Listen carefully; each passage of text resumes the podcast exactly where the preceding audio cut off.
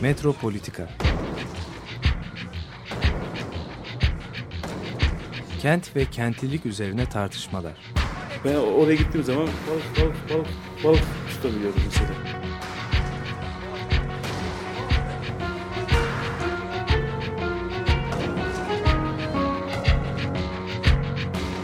Hazırlayıp sunanlar Aysin Türkmen, Korhan Gümüş ve Murat Güvenç.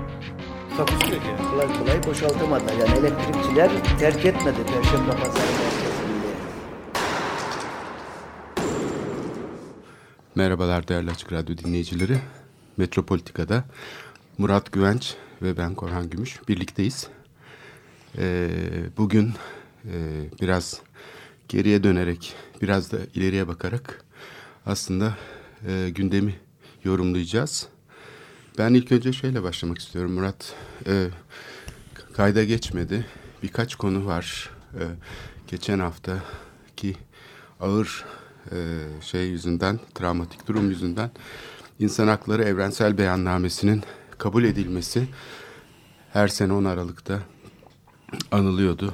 Bu e, tartışmasız bir şekilde hiç e, konuşulmadan geçti. İstersen ilk önce ona bir değinelim çünkü o önemli bir perspektif. Yani savaş sonrası, dünya savaşları sonrası aslında e, topluluklar, insanlar aslında bir şeylerin üzerine epey bir kafa yormuşlar gibi gözüküyor. E, bugün işte İnsan Hakları Evrensel Beyannamesi'nin 1948 yılında kabul edilmesi 10 Aralık'ta ve içeriğine de baktığımız zaman metnin aslında çok önemli izler taşıyor. Şiddet ortamına ve şeyin sonrasında insanların bir araya gelip bir konsensüs etrafında buluştuklarını e, gösteriyor. 10 Aralık'ta e, kabul ediliyor Birleşmiş Milletler tarafından. 6 ay sonra da Türkiye hükümeti e, bunu imzalayarak resmi gazetede yayınlıyor Mayıs ayında. 27 Mayıs'ta yayınlıyor. Bu çok önemli bir şey. Yani bu kadar hızlı bir şekilde de iç e, hukuka yansıyor. E, anayasanın üstünde bir metin, eşitlik prensiplerini gündeme getiren, e, bütün e, insanların eşit olduğunu e, başlangıcında söyleyen, e, keyfi kararlarla cezalandırılamayacağını, dolayısıyla hukuk altında yaşamaları gerektiğini söyleyen, e, kültürel haklardan söz eden, yani sanat ve kültüre katılım hakkının, eşitlik hakkının bu konuda e, söyleyen, e, aslında bir tür ırkçılık karşıtı bir metin hı hı. diyebiliriz. Çünkü bütün halkları, insanları eşit olarak kabul eden ve bunu da onaylayan bir şey yapan, yani onaylatan diyeyim, bir metin İnsan Hakları Evrensel Beyannamesi. E, bunu Türkiye'nin hemen kısa bir süre içinde imzalamış olması da aslında bu yeni duruma uygun bir çerçevede Türkiye'deki siyasal gelişmelerin olacağı umudunu yaratıyor. Ama ondan sonra tabii beklendiği gibi olmuyor Türkiye'de durum ama e, bu e, beyanname e, hala e, en önemli hukuk normu olarak belki de e, dünyadaki e, bütün milletlerin, bütün ulusların aslında hukuk normları etrafında birleştiren e, bir metin değil mi? Evet. Böyle kabul edebiliriz. Tabii. E, neydi peki bu koşullar? Ona bir daha bakarsak yani dünya savaşlarını yaratan koşullar neydi? Burada aslında bir bütünlük iddiasını görüyoruz. Yani mi, milletlerin inşa edilmesi sırasında aslında kapitalizmin yaratmış olduğu e, travmaya karşı yani kültürel amnezyaya karşı bir tür süreksizlik yaratmasına karşılık aslında bir e, şey temsili denebilir. Kültürel bir e, temsil, bir prototip oluşturma çabasına giriyor bütün topluluklar. Yani e, ulus devletlerin kuruluşuna baktığımız zaman hepsinde aslında benzer özellikte ki şeyleri toplayıp ortak bir prototipe dönüştürerek belli coğrafyalar içinde e, kültürün inşa edildiğini görüyoruz. Dolayısıyla e, UNESCO'nun kurulması da aslında aynı tarihlerde bir tesadüf değil. Yani kültür aslında çok önemli bir rol oynuyor insanların yaşadığı felaketlerde. Hı hı. Kültür aynı zamanda da bu felaketlerin önlenmesinde de çok önemli bir rol oynuyor. Yani kültürün aslında ikircikli bir konumu var modern toplumlarda. hem felaketlerin hazırlayıcısı olabiliyor. Çünkü insanları birbirine düşman e, yapabiliyor. Hem de tam tersine felaketleri engelleyebiliyor. İnsanların kendi gelecekleri üzerinde söz sahibi olmasını sağlayabiliyor. Yani kültürün bu e, ikircikli bir role sahip olması herhalde moderniteye has bir durum diye bakılabilir. Hiçbir zaman kültür böyle bir önem kazanmamıştı. O yüzden de kültürel hakların da savunulması ve bu kültür açısından insanların eşit olarak kabul edilmesi, işte hep referans verdiğimiz 1952 tarihli Claude Lévi-Strauss'un Irk ve Tarih başlıklı çalışması. UNESCO'nun kurucuları arasında da bu entelektüel grubun olması, yani bu hem İnsan Hakları Evrensel Beyannamesini hazırlayan grup hem de e, UNESCO gibi kurumsallaşmaların, e, adımların aslında böyle bir entelektüel e, topluluk tarafından uluslararası kamuoyuna e, sunulduğunu ve kabul edildiğini görüyoruz. Yani bunu sadece siyasi erkin e, eseri olmadığını, İnsan Hakları Evrensel Beyannamesi'nin siyasal erk tarafından tasarlanmış bir şey olmadığını, tam tersine savaş sonrası gelişen, savaş öncesinde de aslında e, bastırılmış olan bu entelektüel ortamın bir ürünü olarak da belki görebiliriz. Evet herhalde güzel bir giriş oldu tabii. Ee, İnsan Hakları Beyannamesi kendi türünün tek örneği de değil. Daha önce yani e, Fransız devrimindeki İnsan Hakları Beyannamesi. Ondan işte 15 sene önce Amerika'nın kuruluşundaki yani Amerikan Anayasası'nın temelini e, oluşturan beyanname. E, Cemiyeti Akvam, Kavimler Cemiyeti zamanındaki şeyler var. E, bu e, buradaki yaklaşımla insan hakları beyannamesindeki yaklaşım arasındaki fark ne? Onu ona belki e, oradan başlamamız iyi olabilir. Yani biliyorsun şey e, Amerikan insan hakları beyannamesi ki Amerikan şeyinin e, anayasasının temelini oluşturur. E, keza Fransız devrimindeki e, şey anayasa şey insan hakları e, beyannamesi. Bunlar ırkçılığı ve ötekinin ezilmesini engellemiyorlar. Yani o anayasal şeye rağmen sivil haklar alanında Amerika'da yani zencilere yapılanları biliyoruz ve bunun e, iç savaşla sonuçlandığını biliyoruz. Fransız devriminin anayasası yani Fransız metropolündeki insanları eşit tutarken metropol dışındaki e, insanların nasıl diyelim dışta kalmasının, e, dışta kalmasının şeyini yapıyor. Haklarından e, mahrum olmasını sorun etmiyor. Yani demek, yani, demek ki bur, burada burada böyle bir eşitsizliğe e, çaresi yok. Yani bu farklı farklı farklı kültürlerin farklı kültürlerin e, de, değerlendirilmesini, e, ölçülmesini ve kültürler arası bir e, olimpiyat yapılmasını, en tepedekilerin de aşağıdakileri e, medeniyet götürmesini e, e, meşrulaştıran bir tarafı var yani şeyde. Evet, Tabii ulus bu, devletlerin aslında kuruluşunda da evet. e, böyle bir e, şey var, e, rol var. Yani aslında bütünlük iddiası dışta bırakılanları aslında e, göz ardı ediyor. Evet. Yani diyelim ki egemenlik halkındır diyor ama şunlar evet. hariç. Onları ha, halkın tanımı belli evet, bir Hristiyanlar hariç, Müslümanlar yani bir kesim böyle hep evet. e, dışarıda tabii, kalabiliyor. Tabii, tabii bu daha önce Hristiyanlık şeyinde de var. Yani Hristiyanlığın kendi teolojisinde de yani mesela insanın alınıp satılması kölelik. E, kölelik e, yasak. Yani dinen yasak ama bu yasak e, vaftiz edilmiş insanlar için geçerli. yani vaftiz, küçük bir ayrıntı var, var burada. Evet. Hmm. Yani vaftiz edilmiş edilmediğini kanıtlarsan, bir vaftiz defterinde kaydını bulamazsan o zaman bu bu tür insanların yakalayıp satılması e, mümkün oluyor. Keza İstanbul'un mesela geç orta çağlarda İstanbul'da Avrupalıların sattıkları e, malları içindeki en önemli şey öyle diyelim e, şeyden gelen Avrupa'dan getirdikleri esirler. Bu esir, Avrupa'dan mı getiriyor? Avrupa'dan getiriyorlar. Yugoslavya dağlarında e, şey olmamış.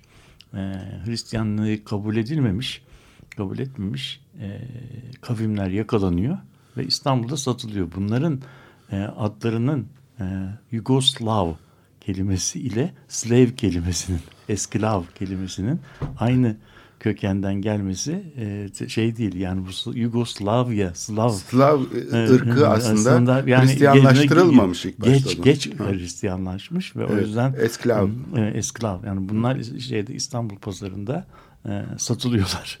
Yani ve o bunu yasaklayan kanunlar şeyde e, bu işte e, yani köle, köle ticaretini engellemiyor böyle bir şey. Fakat şimdi bu geciktirmeden şeye gelelim. İkinci Dünya Savaşı'ndan sonra senin işaret ettiğin en büyük e, devrim bence düşünce devrimi bu kültürlerin arasındaki karşılaştırmanın yapılamayacağı konusunu. Yani, Yani, üstün bunların kültür, alt Evet, kültür. Buna felsefede incommensurability deniyor. Yani karşılıklı olarak bunları bir e, kefeye koyup tartacak elimizde ölçü değeri yok. Yani hangisinin daha iyidir, daha kötüdür, daha üstündür olduğunu. Çünkü bir defa kültürler e, karşılaştırılmaya başlandığı andan itibaren bu karşılaştırmanın nereye vardığı İkinci Dünya Savaşı'nda çok açık bir şekilde e, gözlenmiş vaziyette. Çünkü bu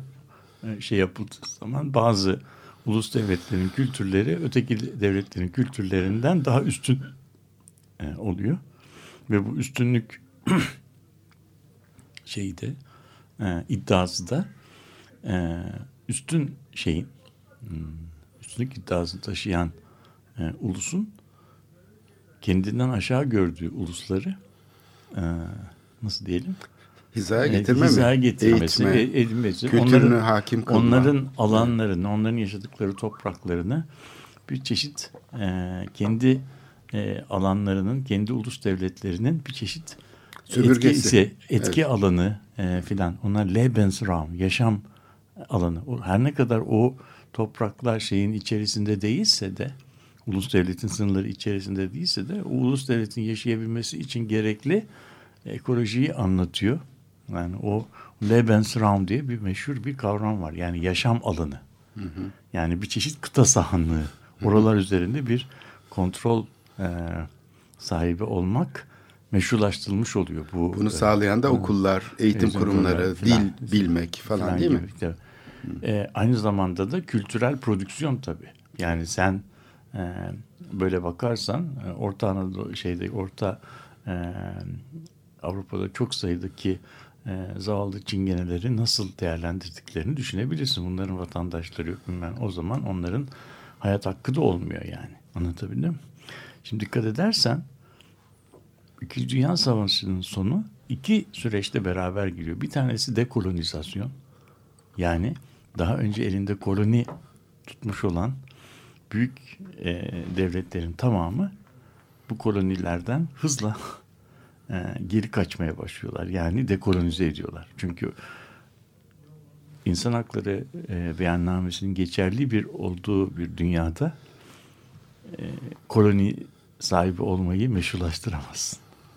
Evet, temel prensiplerle çelişen bir şey çünkü yani o koloni kulluk, sahibi kölelik koloni, tabii bir şey. ko- ko- e, o kültürel hegemonya ile birlikte tabii, oluyor. İşte bu tabii, ikisi tabii. arasında yani bu maddi pratikle yani hegemonyanın oluşmasıyla kültür arasındaki ilişki burada. Tabii yani o zaman e, şey yerine e, nasıl diyelim e, koloni veya imparatorluk yerine Commonwealth yani ortak refah alanı filan gibi yani herkese herkesin çıkarına olan bir uluslar birlikteliği, uluslar topluluğu olabiliyor. Fakat koloni, metropol ve bağımlılık ilişkisinin o kadar belirgin olduğu eski modeller e, meşrulaştırılamıyor. Tabii böyle bir e, şeye tekabül ediyor. Yani o yüzden e, insan hakları beyannamesi gerçekten çığır açıcı bir şey, bir doküman.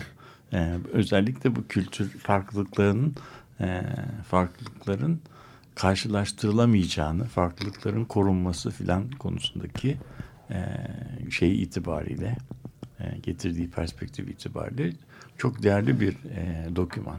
Şimdi burada e, bunun e, bunun nereye kadar e, hakim oldu, nereye kadar hakim olamadı. Dikkat ediyorsan bu İkinci Dünya Savaşı'nın ardından gelen bu bahar havası çok da uzun sürmedi. Onun hemen arkasından dünya e, tekrar Soğuk Savaş dönemine Evet, girdi. evet, Kore Savaşı ile birlikte. Şey, ötekileştirmeye başladı filan. Evet. Yani ondan sonra e, kültürel düzeyde yapılamayanlar bu sefer siyasi düzlemde e, bireysel özgürlüklerin tanınması tanınmaması filan şeyinde soğuk savaş.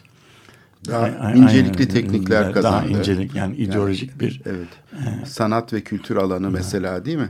Nasıl e, böyle bir e, şeye dönüştü. Küresel bir şeyle işte müzik olsun şey olsun. Fakat ben burada bu zaafı e, şimdi zannedersem yani bu e, insan hakları evrensel beyannamesinin aslında içerdiği bir takım şeyler de var. Zayıflıklar var. Bu da bunun başında da şu geliyor.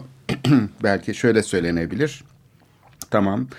Ee, böyle bir evrensel yaklaşım çok iyi falan ama işte milliyetçilik de yani bu şeyi sağlıyordu yani bir tür hani kitlelerin aslında bu yaşamış olduğu bu travmaya karşılık bu e, işte sermayenin ve işte küresel güçlerin hakim olması karşısında bir tür e, şey yapan yani bir direniş biçimi gibi gözüküyordu ilk başta.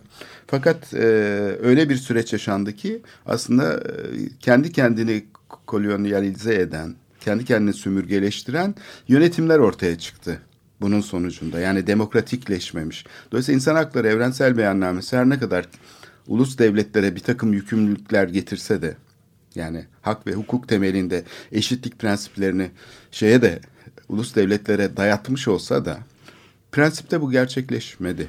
Gerçekleşemedi yani Türkiye örneğinden bakarsak.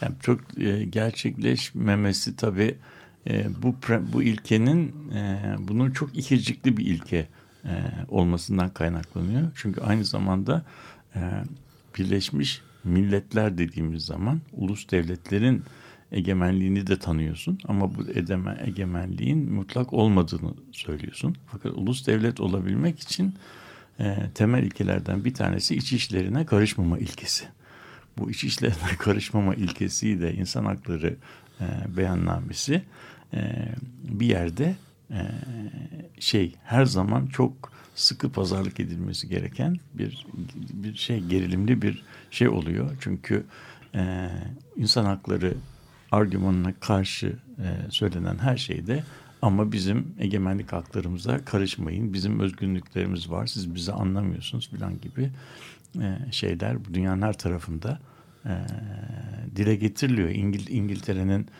İngiltere'nin İrlanda meselesinden, Fransa'nın e, Cezayir meselesinden, Amerika'daki meselelerden yani herkes biraz ötekine karşı demokrat kendine geldiği zaman da biraz fazla e, ulusçu oluyor. Böyle bir sıkıntı var.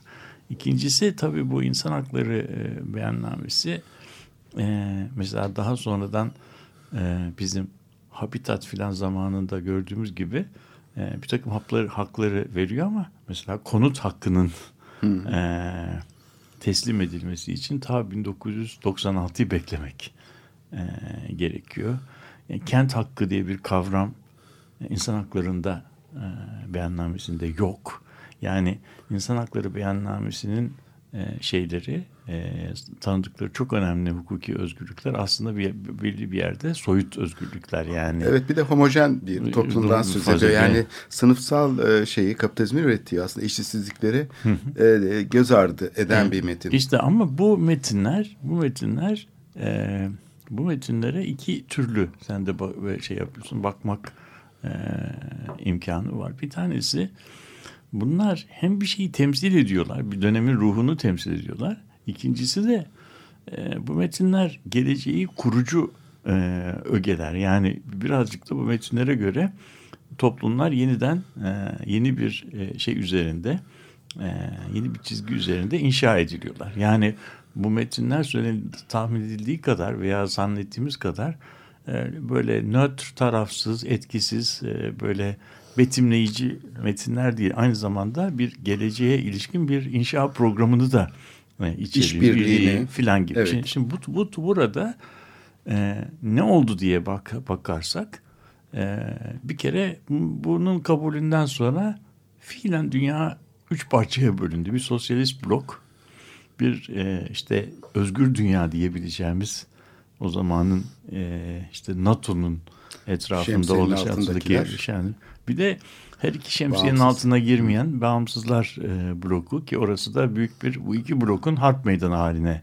e, geldi. Bir hale geldi. Yani işte Vietnam'dan Angola'ya kadar, işte Küba'ya kadar, Şili'ye kadar, kadar. Kıbrıs'a kadar bur- burada çeşitli yani her yerel e, problem bu iki blok arasında bir e, adı konulmamış e, düşük yoğunluklu veya yüksek yoğunluklu savaş alanına e, geldi. Benim yani bu e, metnin içerisinde e, değerli bulduğum ee, ve biraz gözden kaçırılan bir şey var ki bu, bu e, metin aslında kendinden önceki e, dönemde çatışmacı e, ulus içinde çatışmacı e, siyasi kültürlerin yerine daha çatışmacı olmayan e, çatışmaları aşmış yeni bir e, siyasi ortamın e, şekillendiricisi olmak iddiası vardı. Bizim buna işte kalkınma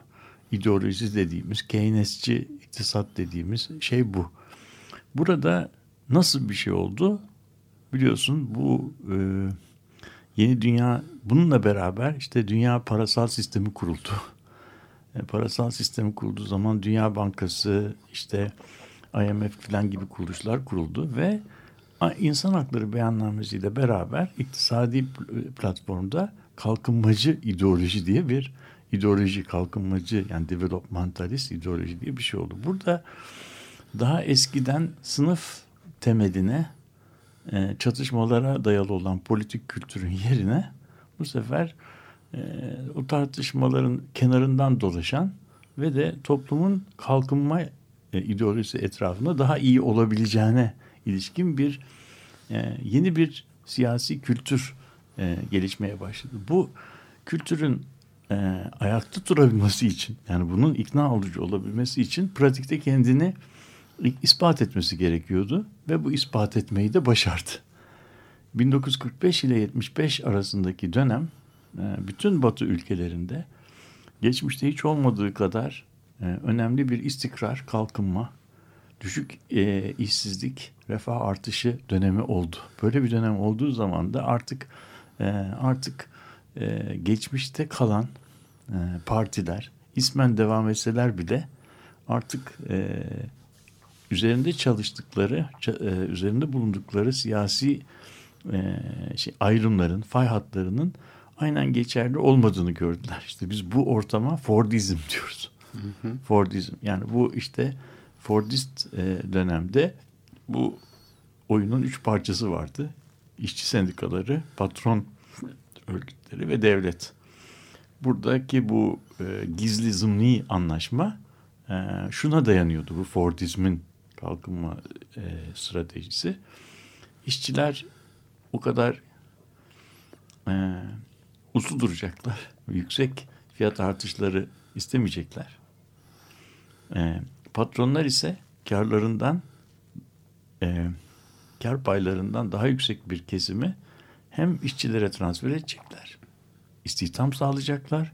Vergi ile devlete yüksek vergiler verecekler. Devlet de bu iki taraflı şeyde bir hakem rolü oynayacak. Vergi gelirleri de arttığı için sosyal e, hizmetleri sonsuza kadar arttıracak. Yani ve bu model e, hap sonrası inşa programları ile başlayıp 1975'teki 73'lerdeki petrol krizine kadar e, oldukça iyi e, yürüdü. Böyle olduğu zaman da çatışmacı e, eski siyasi partiler yerine e, bu sefer pay şeyi olan yani gündelik problemlerin çözülebilecek problemler üzerinde e, uzlaşan, uslu duran ve beraber olup da problem çözme e, kültürü e, ne önemseyen yeni bir siyasi kültür gelişti. Buna siyaset biliminde e, de-alignment yani bir çeşit eski siyasi e, kutuplaşmaların çözülüşü ve yeni bir toplumun e, şekillenmesi e, adı veriliyor. Yani bu de-alignment yeni bir orta sınıfın orta sınıf politikacılığının ortaya çıkması. Siyaset bilimde bunun çok e, ilginç kuramları var. Bir tanesi işte bu Downs diye bir adamın Amerikalı siyaset bilimcinin getirdiği artık siyasi partiler herhangi bir sosyal sınıfı temsil etme iddiasından e, şey olarak çıkarak bütün eğilimleri bir arada temsil etme e, iddiası. Yani bizim birazcık ANAP'ın yapmak istediği hani dört eğilimi birleştirelim e, ve beraber bir şey yapalım. E, problemi çözelim, e, kalkınalım e, diyerek buna da yani işte catch all party diyorlar. Yani bütün siyasi eğilimleri beraberinde e, bulunduran e, siyasi parti gelenekleri e, ortaya çıkıyor. Bu şurada bir fark yok mu yalnız? Savaş öncesi e, şey yapılırken yani ekonomik temeldeki konular konuşulurken Hı. bunlar evrensel bağlamda ele alınıyor. Teknoloji de böyle, bilim de böyle. Bizzat yani siyasal e, şeylere baktığınız baktığımda söylemlere yalnız kültür konusu gelince kültür konusu kenara konuyor. Hı. Yani kültür değil diyorlar. Yani tamam şeyler e, bilim yani fizik işte matematik falan böyle şeyler evrensel olabilir. Hı hı. Ama kültüre gelince onu biz biraz kenarda tutalım. O milli bir konudur. Hı hı. Yani bizim halkımıza uymaz öyle her şey. Hı hı. İşte öyle şeyler e, zaten hani e, bazen toplumsal tabakalar arasındaki e, siyasetçinin yer değiştirmesini de sağlıyor. Yani bir tarafı bir tarafa e, düşman kılarak işte diyelim ki bu yoz e, sanat eserleri işte şeyler falan filan. Hı hı. Dolayısıyla hani devletin bu tarafsızlığı bunun somut karşılığı şudur. Devletin tarafsızlığı dediğim zaman kültür merkezlerini devletin yönetmesi. E işte İller Bankası'nın şehirlerin planlarını yapması. Bürokratlar hmm. oturuyorlar saydan buna inanarak da yani hiçbir tabii, zaman tabii. E, ben Kötü işte rant sağlıyorum şurada acaba hangi müteahhite şuradan yol geçirirsem kar sağlarım falan diye düşünmeden İller Bankası'nın bürokratları ben tanıdım öyle babamın arkadaşları arasında vardı. Sayeden böyle şey insanlar yani teknokrat Tabii, yani onun tabii, ideolojisini tabii, benimsemiş. Tabii, bu... Hiçbir şekilde yani öyle şeye sağa sola bilmem nereye işte şuraya buraya Hayır. o falanca müteahhite işte falan bu, kıyak çekmek diye bir dertleri asla olmayan kişiler. Bu benim söylediğimi bu son söylediğini destekleyen bir şey. Yani bu siyasette eski çatışmacı e, atitütlerin yani kutuplaşmanın e, bırakılarak e, toplumu asgari müştereklerde birleştiren yeni bir siyasi programın ortaya çıkması aslında bu senin söylediğin gibi yeni bir devlet e, kamu fikrinin e, ortaya çıkmasıyla da şey e, eş zamanlı. Burada devlet bir hakem ve aynı zamanda devletin e, bürokratları, politikacılar e, şey insanlar yani bu şeylerden e, siyasi e, partizanca duygulardan arınmış e, uzmanlıkları e, sahip ve de bu uzmanlıklarını kamu yararı adına şey yapıyorlar, e, seferber ediyorlar. Yani aslında devlet dediğim şey e, yapısı itibariyle kamu yararını şey yapıyor, hayata geçiriyor. Yani kamu yararı bu uzmanlar, bu eksperler tarafından e, şey yapılıyor, e, hayata geçiriliyor. Şimdi bu Tabii bak e, hem iktisat hem siyaset hem e, yönetişim yönetim alanında e, beğenelim beğenmeyelim birbirleriyle tutarlı bir sistem kuruluyor. Kültür ve bu sistemde de küresel bir sistem değil bu. Aslında bu, burada kalkınmacı ideoloji olabilmesi için devletin bu kendisinden beklenenleri de e, yapabilmesi için o sınırların o kadar da fazla geçirgen olmaması gerekir. O yüzden de sınırlar oldukça e, kapalı. Yani bir yerden bir yere para transfer etmek, bir yerde yatırım yapmak, uluslararası yatırım yapmak bunlar zor işler. Ve ancak çok büyük devletlere e, açık olan şeyler. Devletler de sınırlar, sınır kontrol ettikleri sınırlar içerisinde tırnak içinde kamu yararını tavsiye şey yapıyorlar. Ve bu bunu yaptıktan sonra da e, 1960'ların ortasına, 60'ların belki ikinci yarısına kadar da e, meşruiyetleri çok da fazla e, şey olmayan e, sorgulanmayan sor, sorgulanmayan bir Devlet şey dönemi bir e, bir refah dönemi e, şey yapıyorlar ki buna e, e, Fransızca'da Trente Glorieux deniyor veya İngilizce'de de Glorious Thirties deniyor. Yani harikulade 30 yıllar. Hmm. Bu Glorieux harikulade 30 yıl yani 45-75 arasına tekabül ediyor. Bu dönemde ne var? Düşük enflasyon, sıfıra yakın işsizlik, her yıl e, e, artan bir e, refah düzeyi e, dönemi. Yani böyle bir hiçbir zaman refahın bu kadar hızlı arttığı bir dönem insanlık tarihinde e, olmamış. Batı dünyasının tarihinde de yani Batı dünyasının hiçbir döneminde bu kadar bir e, şey olmuş. Şimdi bunun ama 1960'ların ikinci yarısından itibaren bu bizim modelimiz bir takım e, şeyler göstermeye başlıyor. Arızalar. Arızalar göstermeye başlıyor ve kültürel düzlemde ve şey düzleminde yani siyasi düzlemde artık e, eski inandırıcılığını e, yitiriyor. Buna e, şimdi müzik kısmına gidelim. Şeyin buna e, tabii her zaman olduğu gibi bunu ilk fark edenler bilim sanatçılar. adamları, sanatçılar, bilim adamlarından önce sanatçılar, e, hmm. sanatçı duyarlılığına sahip olan insanlar.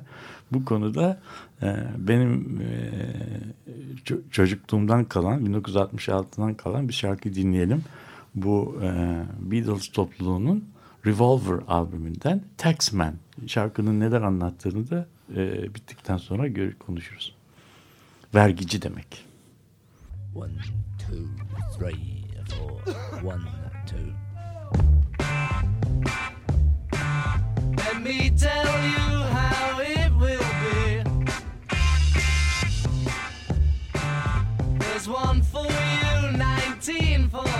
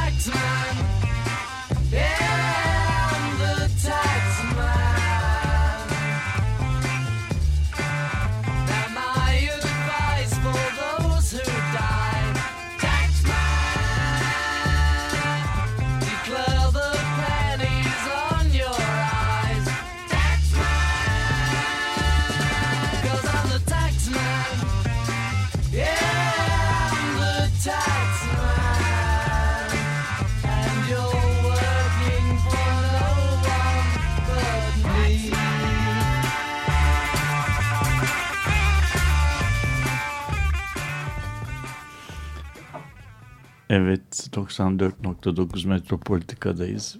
Yıllar öncesinden 1966 yılından bu Taxman isimli şarkı dinledik. George Harrison'ın bestesidir. Beatles topluluğu tarafından icra edildi.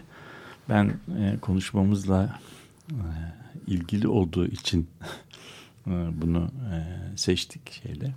Çünkü bu şarkı benim demin işaret ettiğim yani eski farklılıkların, eski çatışmacı siyasetin yerini artık e, partilerin ortalama seçmenin e, oylarını almaya, almak için mücadele ettiklerini ve e, işte sınıfsal temellerinden giderek yabancılaştıklarını anlatan bir şarkı. Yani bu bir vergi e, devleti haline geldiğini anlatıyor. Yani amaç artık e, bir takım sosyal farklılıkların parlamentoda temsili korunması, gözetilmesi, onların çıkarılarının savunması değil, e, şeyi toplumun e, idaresini elinde tutan hükümetin e, yani iktidarın ele geçirilmesi. İktidar ele geçirilmek geçirildiği zaman da bu iktidarın e, nimetlerinden yararlanabilmek için de topluma yüksek vergi e, oranlarıyla yüklenmek gerekir. Burada vergilendirilebilecek her şeyin vergilendirilmesi gerekir. Bu şarkının içerisinde de e, İşçi Partisi'nin ve Muhafazakar Parti'nin e, liderlerinin o zamanki isimleri e, lider geçiyor. Mr. Wilson ve Mr. Heath. E, Mr. Wilson veya Mr. Heath olman fark etmez. Biz biz seni vergilendiririz arkadaş demeye getiriyorlar bu şarkıda. Burada tabii e, bir e, dönemin e, siyasi kültürünün, ekonomi politiğinin bir küçük e, parodisi var. Yani siz neyi siz, siz neyi yapmak istiyorsanız biz onun üzerine vergi koyarız. Üşürseniz ısıla, üşürseniz ısıtma sistemlerini vergilendiririz. Gezinmek isterseniz sokakları vergilendiririz. Oturmak isterseniz iskemleleri vergilendiririz. Yani bu bir çeşit refah devletinin yüksek vergiye dayalı şeyi ile nasıl diyelim e, yapıp ettiğini ancak yüksek vergiler e, üzerinden yapabildiğini ve de pek de fazla özgürlük alanı bırakmadığını bir de standartize edici e, işaretlerini yani standartize edici e, politikalarını işaret eden bir küçük parodiden ibaret. Ama çok şaşırtıcı değil mi? Yani şimdi herkesin ideolojilerden söz ettiği işte bir dönemde bir dönemde kalkıp da e, şeyden işte bu devletin ideoloji... kendisine bakmak evet. yani bak burada asıl örtülen yani evet. işte bu şey tarafı sol veya sağ gibi gözüküyor falan ama sen devlete bak devlet nasıl işliyor evet. eşitsizliği üreten evet, o aslında. Evet işte bence bu burası burası belki Gramsci'nin filan e, söylediği bu Fordizm kavramı yani buradaki siyasetin e, işte harp sonrasında e, bu harikulade 30 yıllar içerisinde artık ideolojilerin giderek e, erozyona uğradığı ve her şeyi kontrol eden e, hükümet yani iktidarın kendisinin bir e, arzu nesnesine, siyasi hedefe e, dönüştüğünü anlatıyor. Tabii demin konuştuk siyasi şeyler, sanatçılar bunu herkesten önce e, görüp di, dillendirebiliyorlar. Yani o bakımdan da bu e, o kadar da önemsiz bir küçük parodiden ibaret değil yapıldığı tarih itibariyle e, düşünülürse. Tabii bu e, bu model daha sonra 1973 yıllarıyla itibaren e, çöküyor. Bu refah devletini mümkün kılan iktisadi e, nasıl diyelim üçlü barış yani veya Keynesyen e, barış diyebileceğimiz şey hasır altı edilen şey sorunlar şey, yani evet, evet şeyin altı su yüzüne çıkmaya başlıyor. Artık e, evet. artık şeyin altısı e, halının altı bu kadar tozu e, Kaldıramam. kaldıramaz hale geliyor. Çünkü işte Vietnam Savaşı'nın maliyetleri var.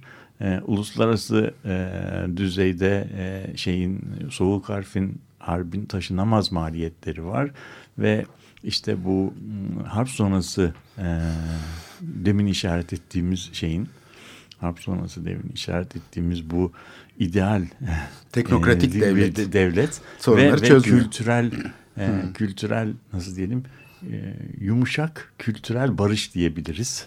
Yani insan hakları diyebileceğimiz her şeye değinmeyen, gündelik hayata çok fazla değinmeyen, kadın haklarına, çevre haklarına değinmeyen, konut haklarına değinmeyen, kent haklarına değinmeyen bir insan hakları beyannamesi.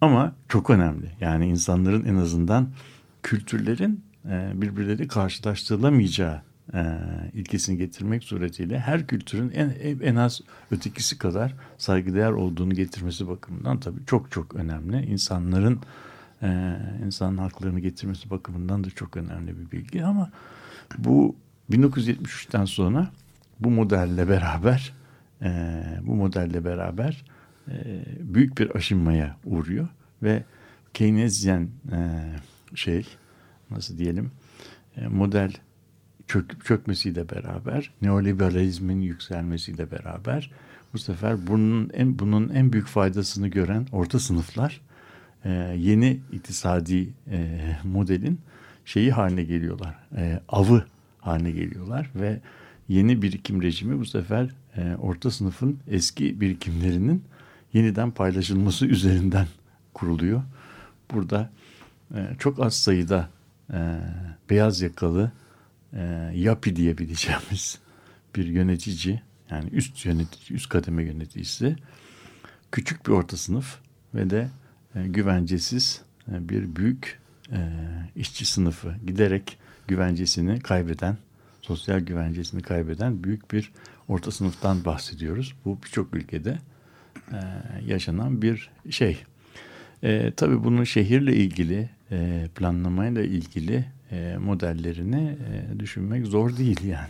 Burada acaba şöyle bir şey yani teknokratik devlet aslında e, şey olarak e, kendi kamu yararı kavramını bilim adı altında temsil eden korporatist bir örgütlenmeydi.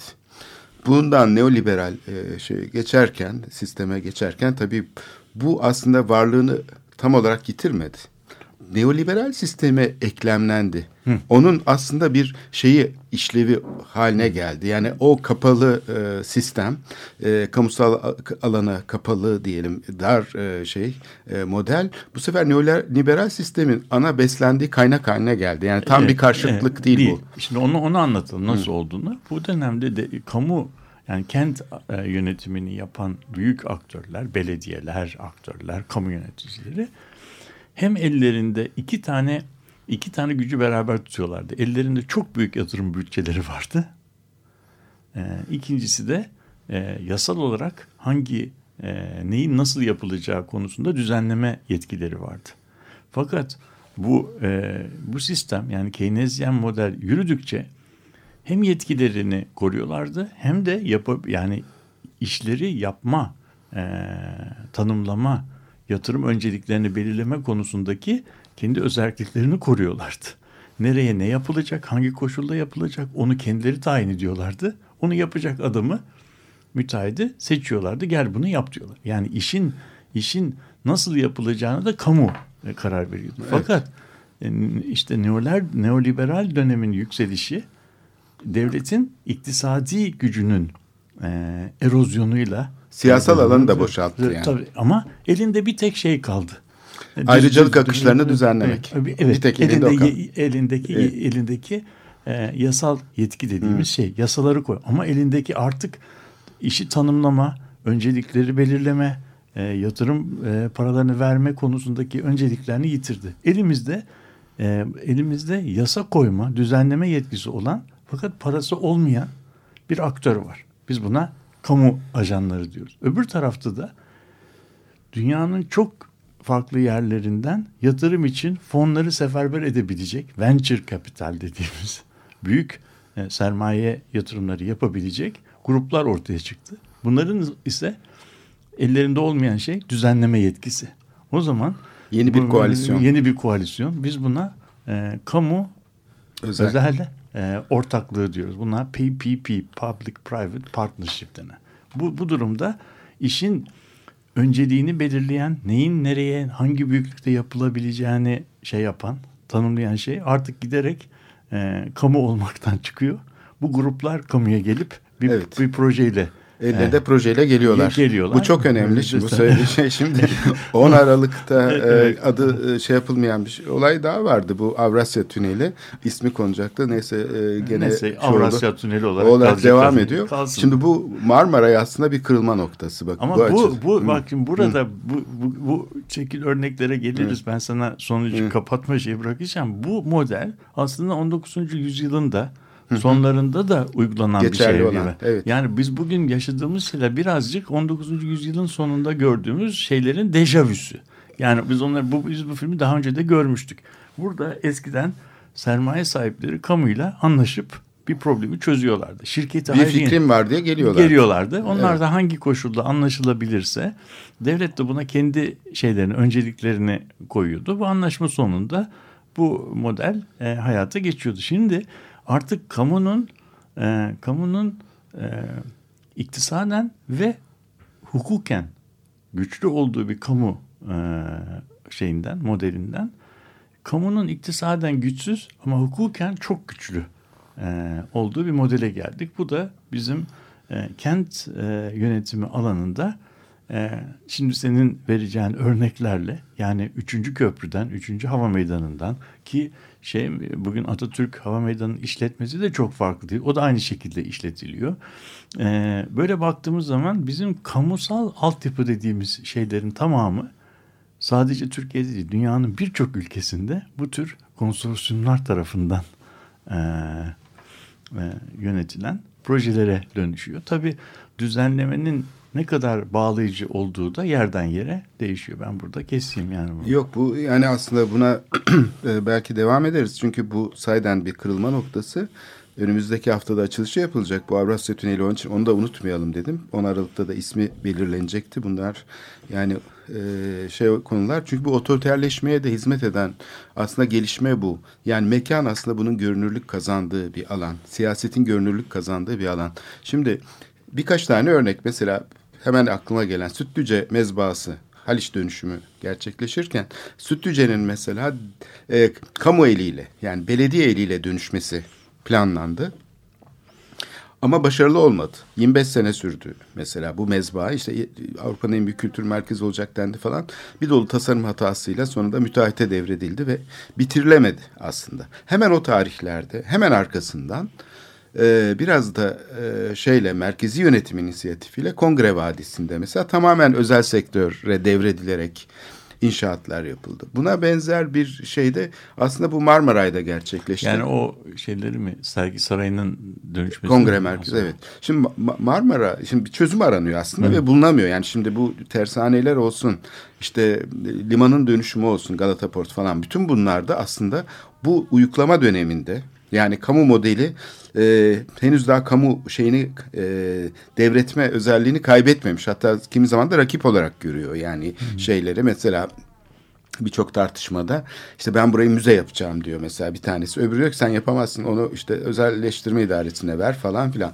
Şimdi böyle bir kamu içinde de bir ikircikli durum var. Fakat e, bu Avrasya Tüneli tam noktayı konduğu yer oldu. Marmaray projesi aslında yarım kaldı. Yani hem seçilen yer itibarıyla o eski endüstriye ulaşım hattını tamamlayacak bir proje gibi düşünürken metronun ana omurgası haline dönüşmeye başladı konumu itibariyle, şey itibariyle yani potansiyel olarak ve bunu e, şey yaparak da aslında e, hani şeyden önce ortaya çıkması yani 97'lerdir Marmaray'ın 3. köprü mücadelesi sırasında e, sivil toplum kuruluşlarına Ulaştırma Bakanı tarafından açıklanmıştır. Yani 3. köprüyü engelleyecek proje diye raylı sistem olduğu için. O projenin mesela bugün yarım kalmış olması yani bir türlü hızlandırılamamış olmasına karşılık Avrasya Tüneli'nin çok hızlı bir şekilde. Hızlı bir şekilde. Ondan kaç sene sonra? Başlayıp, yani evet. üstelik yani ben şeyi hatırlıyorum. 2000 yıllarda 2000'li yıllarda işte bu Marmaray konuşulurken zaman zaman fotoğraflar yani canlandırmalar çıkıyordu basında. Mesela Milliyet Gazetesi'nin ön sayfasında falan Marmara işte falan diye içinde otomobil çıkıyordu. Şimdi bu e, şaşırtıcı bir şeydi. Ya Marmaray'da otomobil yok ki bunların hepsi raylı sistem diyorduk Hı. hepimiz. Ama çıktığı yer de farklı bir yerdi. Sonra anlaşıldı ki aslında Marmaray projesi böyle uyuklarken yani bir türlü bitmiyor, bir türlü bitmiyor işte arkeolojik kazılar falan filan diye. Aslında o sırada da özel girişim tepki çekmiyor. Bakın tünel köprü e, tepki çekti yapa yapamadı şehrin merkezinde. Dolayısıyla bir tünel ihtiyacı var. Şehrin merkezinde de bir tünel lazım yani üçüncü köprüyü gidiyorsunuz ta kuzeye yapıyorsunuz. Burada da bir şey yapılırsa bir bağlantı araç geçiş için çok iyi kar eder. Bundan da işte siz de e, merkez yönetimde payını alır diye. O sırada Ankara'yı ikna ediyormuş meğersem. Ve yıllarca karıştırıldı. Marmaray projesiyle Avrasya özellikle birbirine öyle şekilde örtüştürüldü ki uzman insanlar bile benim tanıdığım kişiler bile böyle hani anlattığımız zaman işte bakın bir araç tüneli daha geldi. O öbürkü gibi tüp geçiş değil tünel şeklinde yapılıyor falan filan. Ha o metro deniyor. Ha, o Marmaray biliyoruz falan. Yok o değil başka bir şey daha var falan diye uzun süre böyle bir muğlaklık yaşandı ve kimsenin haberi olmadan Avrasya Tüneli tamamlandı. Sonuçta işte önümüzdeki hafta açılıyor. Ee, dolayısıyla bu bir kırılma noktası. Yani Marmaray'da bu söylemiş olduğun kamu modelindeki dönüşümü gösteriyor. Göster. Yani tamamen piyasa aktörleri geliyorlar. Hı hı. E, kendi fizibilitelerini yapıyorlar Neresi karlıdır? Ona göre kredi temin ediyorlar uluslararası finans piyasalarından ve hükümete de güvence ve şey sağlamak, Garanti sağlamak. garanti sağlamak e, ve Bazı koşulları koymak. koşulları yani. koymak kalıyor. Evet. Ya bu tabii yani bu bize özgü bir iş de değil. Yani bu onu onu onu vurgulamak lazım. Bu Türkiye özgü bir iş değil ve bu model aslında e, bizim e, şehirsel e, süreçleri ve bizim programımızın adına tekrar e, geri dönelim. Metropolitikayı e, yeni baştan metropoliten ölçekte politikayı çok kökten yeniden düşünmemiz gereken bir, e, bir bir yere götürüyor. Çünkü bu durumda bu durumda bazı şeylerin nasıl elden kaçtığını e, düşünelim. Şimdi klasik bir şeyde, klasik bir modelde bir e, yerel yönetici e, şeye karşı sorumlu. E, yani kendisini seçenlere kadar sorumlu. Kendisi seçenlerin de olup bitenle ilgilenmeleri için gerekçeleri var. Çünkü diyorlar ki bu, bu adama biz vergi ödüyoruz. Adam bu yapıp ettiğini bizim ödediğimiz vergilerle yapıyor. E o zaman ben de vergilerimin e, çarçur edilmemesini halk yararına kul- kullanılmasını, kendi önceliklerim yol, e, şeyinde kullanılmasını isterim. Herkesin farklı öncelikleri olması da tabii metropoliten ölçekte politik programların birbirleriyle çatışmasını ve şey yapması, mücadele etmesi gerekiyor. Metropolitika, metropoliten ölçekte politika böyle kuruluyor. E Şimdi bu modele geldiğimiz zaman elimizdeki şey e, yani vergi ödeyiciler en azından kısa vadede bu büyük projelerin maliyetini ödemiyorlar gibi gözüküyorlar. Bu, bu projelerin maliyetini kim ödüyor? Dışarıdan gelen büyük gruplar ödüyor veya yerli de olabilir. Ve e, ikincisi bu gruplar neyin nerede, hangi ölçekte, nasıl yapılacağına büyük ölçüde kendileri karar veriyorlar. Yani onu ve ikna ettikleri takdirde yani bir şeyle kamuyla bu alanda bir e, şey yaptıkları zaman bir anlaşmaya vardıkları zaman da e, proje hayata geçiyor ve hayata geçtiği zaman bütün bu inşaat süresince aslında kamunun cebinden kısa vadede hemen hemen hiçbir para e, çıkmamış gözüküyor. Fakat bu projeler sonuç e, bu projelerin çok büyük neleri var? E, kar garantileri var, hacim garantileri var. E, ikincisi de e, bu projenin e, nereye, nasıl, hangi ölçekte yapılacağı konusunda kamunun şeyi e, nasıl diyelim yetki alanındaki itiraz hakkı çok fazla değil. Kamusal niteliği zayıflıyor. Zayıflıyor. Çünkü buradaki yani kamusal kararların içeriğini oluşturan projeler, planlar yani bütün bu kurumsal işleyişler sadece tercihlerden oluşmuyor. Evet. Bunlar aslında kurumsal kapasitelerle inşa Evet. ediliyor Evet. bu projeler.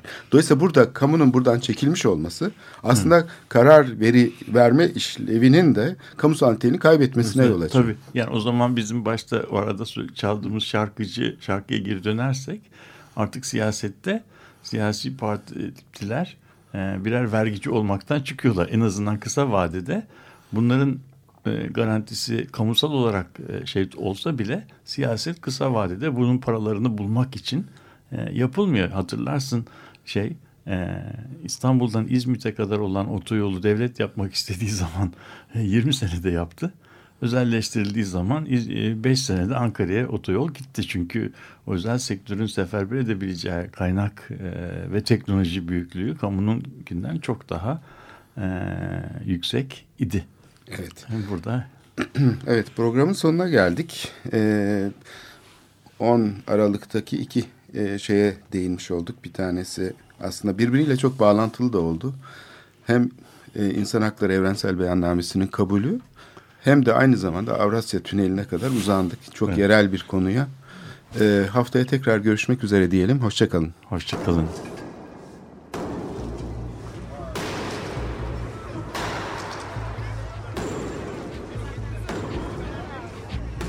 Metropolitika Kent ve kentlilik üzerine tartışmalar. Ben oraya gittiğim zaman balık balık balık balık tutabiliyordum mesela.